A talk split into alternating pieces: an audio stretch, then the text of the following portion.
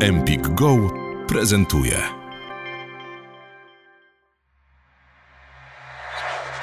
Słuchaliśmy jej z przerażeniem. Nie mogliśmy uwierzyć, że młoda, inteligentna dziewczyna tak beznamiętnie mówi o potwornej zbrodni, której się dopuściła. Widać było, że to ona kierowała zabójstwem. Chłopak też się przyznał, ale był raczej tylko wykonawcą planu. Ich miłość miała trwać wiecznie. Nastolatków połączyły wspólne pasje i niechęć do całego świata. Oboje czuli się wyobcowani, niezrozumiani przez otaczający ich świat. Ona, dziewczyna po przejściach, niespełniona poetka eksperymentująca z narkotykami. On, szukający społecznej akceptacji chłopak z dobrego domu. Postanowili żyć tylko dla siebie nawzajem, a gdy ich związek napotkał przeszkodę, bezlitośnie postanowili się jej pozbyć.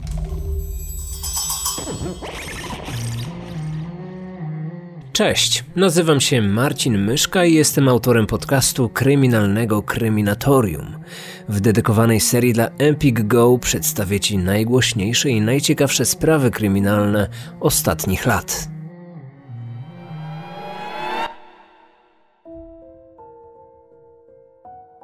Zuzanna i Kamil poznali się kilka lat wcześniej w jednym z gimnazjów w Białej Podlaskiej. Nie od razu przypadli sobie do gustu, ale z czasem ich znajomość przerodziła się w głębsze uczucie. Wszystko robili razem, słuchali muzyki, oglądali filmy, jeździli na koncerty i obiecali sobie, że nic i nikt ich nie rozdzieli. Oboje mieli opinie zdolnych i niesprawiających kłopotów nastolatków. Wszystko zmieniło się, gdy rozpoczęli naukę w liceum. Ich wyniki były coraz gorsze. Zuza sięgnęła po używki. Namówiła do tego Kamila, a on nie potrafił odmówić. Być może nawet nie chciał. Stworzony w jego głowie, wyidealizowany obraz ukochanej zaczął przyćmiewać zdrowy rozsądek. Z wyróżniającego się ucznia stał się wagarowiczem i zamkniętym w sobie buntownikiem – nie słuchał dobrych rad swoich rodziców, którzy zaczęli ostrzegać go przed Zuzanną. Zmiany w zachowaniu chłopaka zaobserwował również dyrektor liceum, który w programie Uwaga w TVN24 powiedział – był chłopakiem spokojnym, inteligentnym. Praktycznie żadnych kłopotów nie było do momentu, kiedy zauważyliśmy, że zaczął opuszczać się w nauce i zaczyna opuszczać godziny. Na ostatnie miesiące przed zajściem Kamil praktycznie przestał chodzić do szkoły. Stał się bardzo wulgarny, nie chciał rozmawiać z młodzieżą, ignorował wychowawcę, który prosił wielokrotnie: Zostań, porozmawiajmy. Odwracał się napięcie i wychodził. Konflikt Kamila z rodzicami był tylko kwestią czasu. Mieszkające w domu jednorodzinnym w Rakowiskach pod Białą Podlaską małżeństwo Jerzy, emerytowany pułkownik Straży Granicznej oraz Anna, nauczycielka języka rosyjskiego, zaczęli się martwić o swojego jedynego syna. Kamil uciekał z domu. Gdy zwracali mu uwagę, stawał się arogancki i wulgarny. Winą za takie zachowanie rodzice obarczali jego dziewczynę. Podobnego zdania byli szkolni pedagodzy. Zuza utrudniała prowadzenie lekcji, źle odnosiła się do nauczycieli, była agresywna w stosunku do innych uczniów. Oczywiście, jeśli tylko pojawiała się na lekcjach, gdyż z reguły wagarowała. Kamil chętnie jej w tym towarzyszył. Problemy zaczęły się w drugiej klasie. W tym czasie Kamila łączyła już bardzo bliska znajomość z Zuzanną. Usiedli razem w ławce na lekcjach, o ile w ogóle byli obecni w szkole. Coraz bardziej izolowali się od reszty kolegów, tracąc jednocześnie zainteresowanie nauką. Gdy w 2014 roku do Bialskiego Sądu trafił akt oskarżenia zarzucający Zuzannie zmuszanie do seksu dziewczynki poniżej 15 roku życia oraz częstowanie dwóch innych nieletnich marihuaną, w szkole wybuchł skandal. Uczniowie z klasy Zuzanny wystosowali wtedy petycję o usunięcie ich koleżanki ze szkoły. Od nowego roku szkolnego matka przeniosła dziewczynę do innego liceum. Nie każdy jednak miał o niej złe zdanie. Dziewczyna zaczęła być uznawana w swoim mieście za utalentowaną poetkę. Wiersze zaczęła pisać dwa lata wcześniej, po śmierci swojego ojca. Na osiemnaste urodziny matka sfinansowała Zuzannie wydanie debiutanckiego tomiku. Miała nadzieję, że nowa pasja odciągnie jej córkę od złych uczynków. Później osiemnastolatka jako Maria Goniewicz zagościła na łamach lokalnej prasy.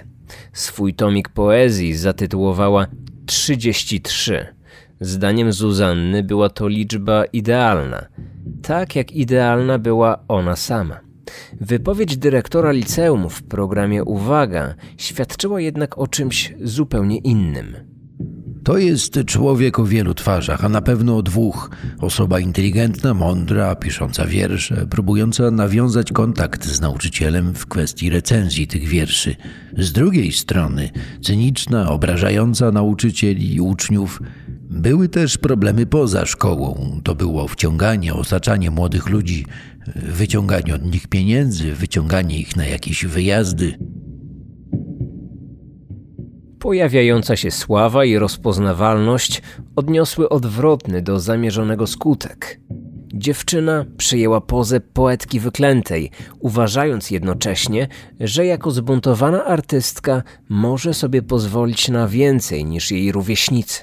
Własną wyjątkowość i bunt wobec świata chętnie manifestowała w swojej twórczości. Jestem i według, a tak naprawdę wbrew wszelkim zasadom, zdarza mi się żyć. Spędzając wolny czas, para snuła plany na przyszłość, w których nie było miejsca na rodziców Kamila. Młodzi pragnęli przeżyć życie po swojemu, razem, ale co zrobić, by zlikwidować ostatnią przeszkodę, torującą drogę ich miłości? Trzeba było się tej przeszkody pozbyć. Zaczęło się od niewinnych żartów Zuzanna wymyślała najróżniejsze scenariusze, w których wspólnie zabijali nieprzychylnych ich związkowi Jerzego i Annę. Kamil kiwał głową, czasami coś odpowiadał. Twierdził później, że nigdy nie brał słów swojej dziewczyny na poważnie. Zuzanna była jednak śmiertelnie poważna. W końcu przekonała chłopaka, że nie mają innego wyjścia. Na przełomie listopada i grudnia 2014 roku, po kolejnej kłótni Kamila z rodzicami, para doszła do wniosku, że muszą się ich pozbyć. W miarę upływu czasu pomysł ten zaczął nabierać realnych kształtów. W ich wyobraźni miała to być zbrodnia doskonała. Szybka śmierć, jak przy strzale z pistoletu do śpiącej ofiary. Wobec braku możliwości zakupu broni palnej, postanowili pozbawić swoje ofiary życia przy użyciu noży.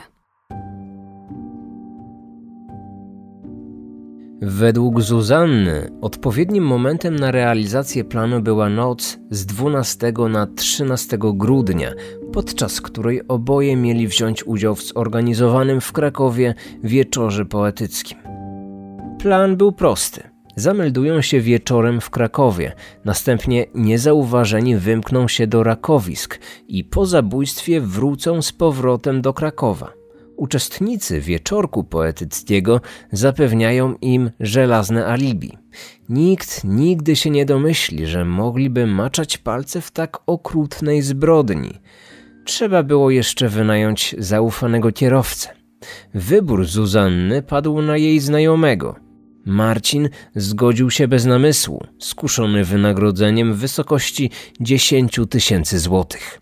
Postawił jednak warunek – w podróży weźmie udział jego dziewczyna, Linda. Nie ma żadnych planów, których nie możesz odwołać. Śmierć o ciebie nie pyta, nie ośmieliłaby się. Wysłuchałeś fragmentu odcinka podcastu Empik Go. Słuchaj całości w aplikacji Empik Go. Pobierz aplikację i zarejestruj się już teraz. Wybieraj spośród tysięcy audiobooków, e-booków, audioseriali i podcastów. Masz 7 dni za darmo.